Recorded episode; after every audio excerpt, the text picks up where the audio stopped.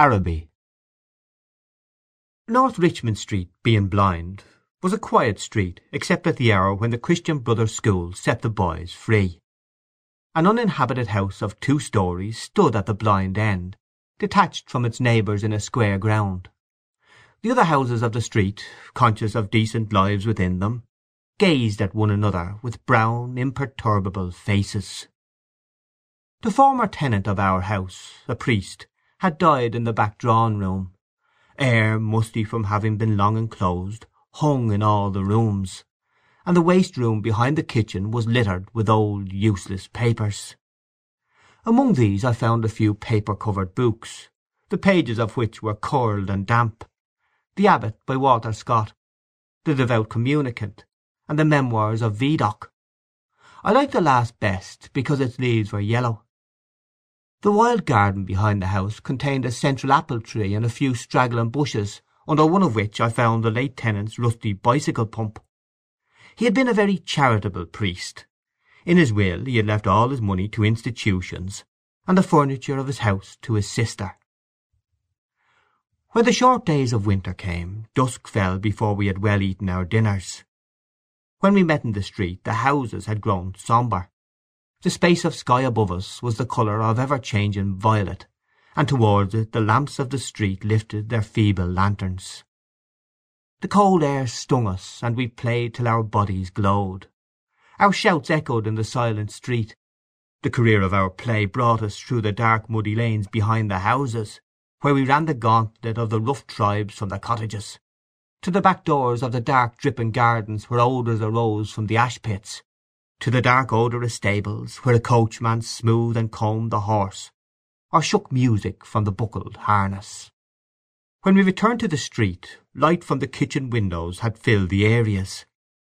If my uncle was seen turning the corner we hid in the shadow until we had seen him safely housed, or if Mangan's sister came out on the doorstep to call her brother into his tea, we watched her from our shadow peer up and down the street. We waited to see whether she would remain or go in, and if she remained, we left our shadow and walked up to Mangan's steps resignedly. She was waiting for us, her figure defined by the light from the half-open door.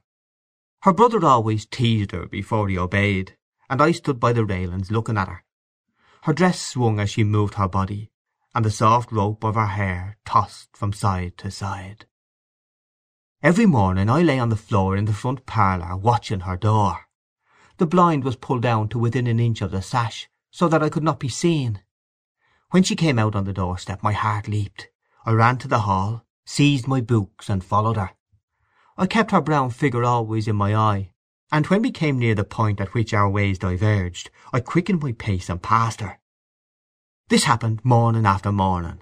I had never spoken to her, except for a few casual words, and yet her name was like a summons to all my foolish blood. Her image accompanied me even in places the most hostile to romance.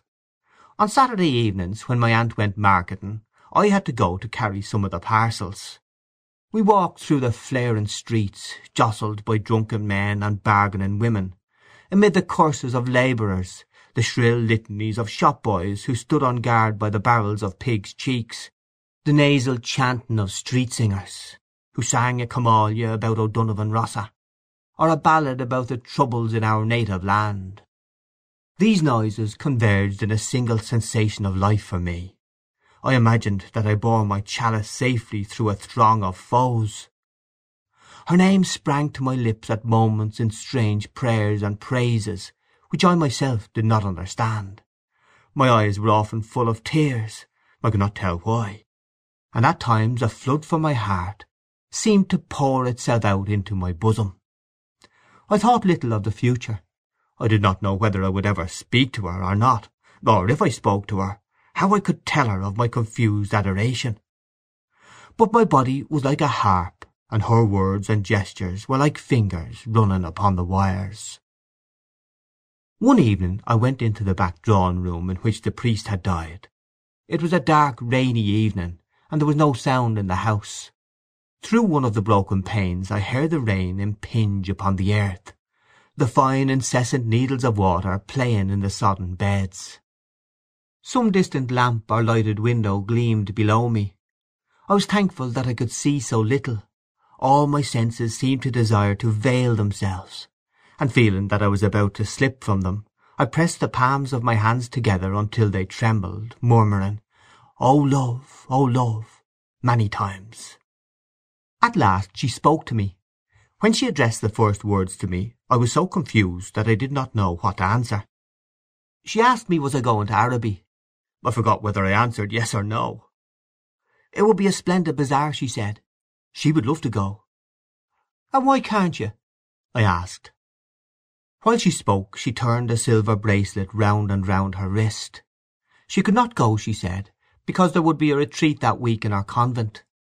Her brother and two other boys were fighting for their caps, and I was alone at the railings. She held one of the spikes, bowing her head towards me.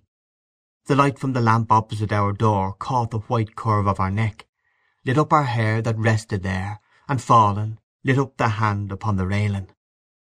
It fell over one side of her dress and caught the white border of a petticoat, just visible as she stood at ease.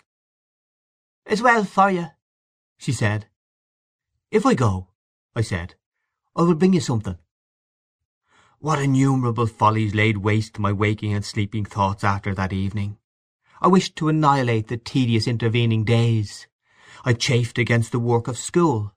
At night in my bedroom, and by day in the class-room, her image came between me and the page I strove to read. The syllables of the word Araby were called to me through the silence, in which my soul luxuriated, and cast an Eastern enchantment over me. I asked for leave to go to the bazaar on Saturday night. My aunt was surprised, and hoped it was not some Freemason affair. I answered few questions in class. I watched my master's face pass from amiability to sternness. He hoped I was not beginning to idle. I could not call my wandering thoughts together. I had hardly any patience with the serious work of life, which, now that it stood between me and my desire, seemed to me child's play, ugly, monotonous child's play. On Saturday morning I reminded my uncle that I wished to go to the bazaar in the evening. He was fussing at the hall stand looking for the hat brush, and answered me curtly, "Yes, boy, I know." As he was in the hall I could not go into the front parlour and lie at the window. I left the house in bad humour, and walked slowly towards the school. The air was pitilessly raw, and already my heart misgave me. When I came home to dinner my uncle had not yet been home. Still, it was early. I sat staring at the clock for some time, and when its ticking began to irritate me I left the room. I mounted the staircase and gained the upper part of the house. The high, cold, empty, gloomy rooms liberated me, and I went from room to room singing. From the front window I saw my companions playing below in the street. Their cries reached me weakened and indistinct, and leaning my forehead against the cool glass I looked over at the dark house where she lived. I may have stood there for an hour, seeing nothing but the brown-clad figure cast by my imagination, touched discreetly by the lamplight at the curved neck, at the hand upon the railings, and at the border below the dress. When I came downstairs again I found Mrs. Mercer sitting at the fire. She was an old garrulous woman, a pawnbroker's widow, who collected used stamps for some pious purpose. I had to endure the gossip of the tea-table. The meal was prolonged beyond an hour, and still my uncle did not come. Mrs. Mercer stood up to go. She was sorry she couldn't wait any longer, but it was after eight o'clock, and she did not like to be out late, as the night air was bad for her. When she had gone I began to walk up and down the room, clenching my fists. My aunt said, "I am afraid you may have to put off your bazaar for this night of our Lord. At nine o'clock I heard my uncle's latch key in the hall door. I heard him talking to himself, and heard the hall stand rocking when it had received the weight of his overcoat. I could interpret these signs. When he was midway through his dinner I asked him to give me the money to go to the bazaar. He had forgotten. "The people are in bed, and after their first sleep now," he said. I did not smile. My aunt said to him energetically, "Can't you give him the money and let him go? You've kept him late enough as it is." My uncle said he was very sorry he had forgotten. He said he believed in the old saying, "All work and no play makes Jack a dull boy." He asked me where I was going. and when I had told him a second time he asked me did I know the Arab's farewell to his steed. When I left the kitchen he was about to recite the opening lines of the piece to my aunt. I held a florin tightly in my hand as I strode down Buckingham Street towards the station. The sight of the streets thronged with buyers and glaring with gas recalled to me the purpose of my journey. I took my seat in a third-class carriage of a deserted train. After an intolerable delay the train moved out of the station slowly. It crept onward among ruinous houses and over the twinkling river. At Westland Row station a crowd of people pressed to the carriage doors, but the porters moved them back, saying that it was a special train for the bazaar. I remained alone in the bare carriage. In a few minutes the train drew up beside an impoverished wooden platform. I passed out onto the road, and saw by the lighted dial of a clock that it was ten minutes to ten. In front of me was a large building which displayed the magical name. I could not find any sixpenny entrance, and fearing that the bazaar would be closed, I passed in quickly through a turnstile, handing a shilling to a weary-looking man. I found myself in a big hall, girdled at half its height by a gallery. Nearly all the stalls were closed, and a greater part of the hall was in darkness. I recognized a silence like that which pervades a church after a service. I walked into the centre of the bazaar timidly. A few people were gathered about the stalls which were still open. Before a curtain, over which the words Café Chantant were written in coloured lamps, two men were counting money on a salver. I listened to the fall of the coins. Remembering with difficulty why I had come, I went over to one of the stalls and examined porcelain vases and flowered tea sets. At the door of the stall a young lady was talking and laughing with two young gentlemen. I remarked their English accents, and listened vaguely to their conversation.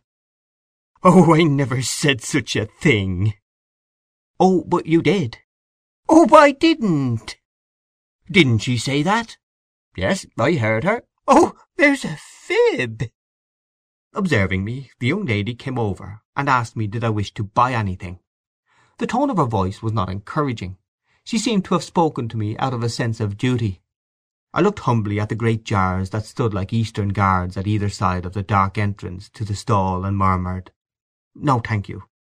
The young lady changed the position of one of the vases and went back to the two young men.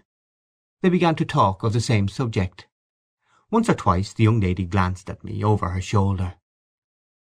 I lingered before her stall, though I knew my stay was useless, to make my interest in her wares seem the more real.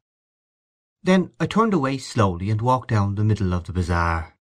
I allowed the two pennies to fall against the sixpence in my pocket. I heard a voice call from one end of the gallery that the light was out. The upper part of the hall was now completely dark. Gazing up into the darkness, I saw myself as a creature driven and derided by vanity, and my eyes burned with anguish and anger.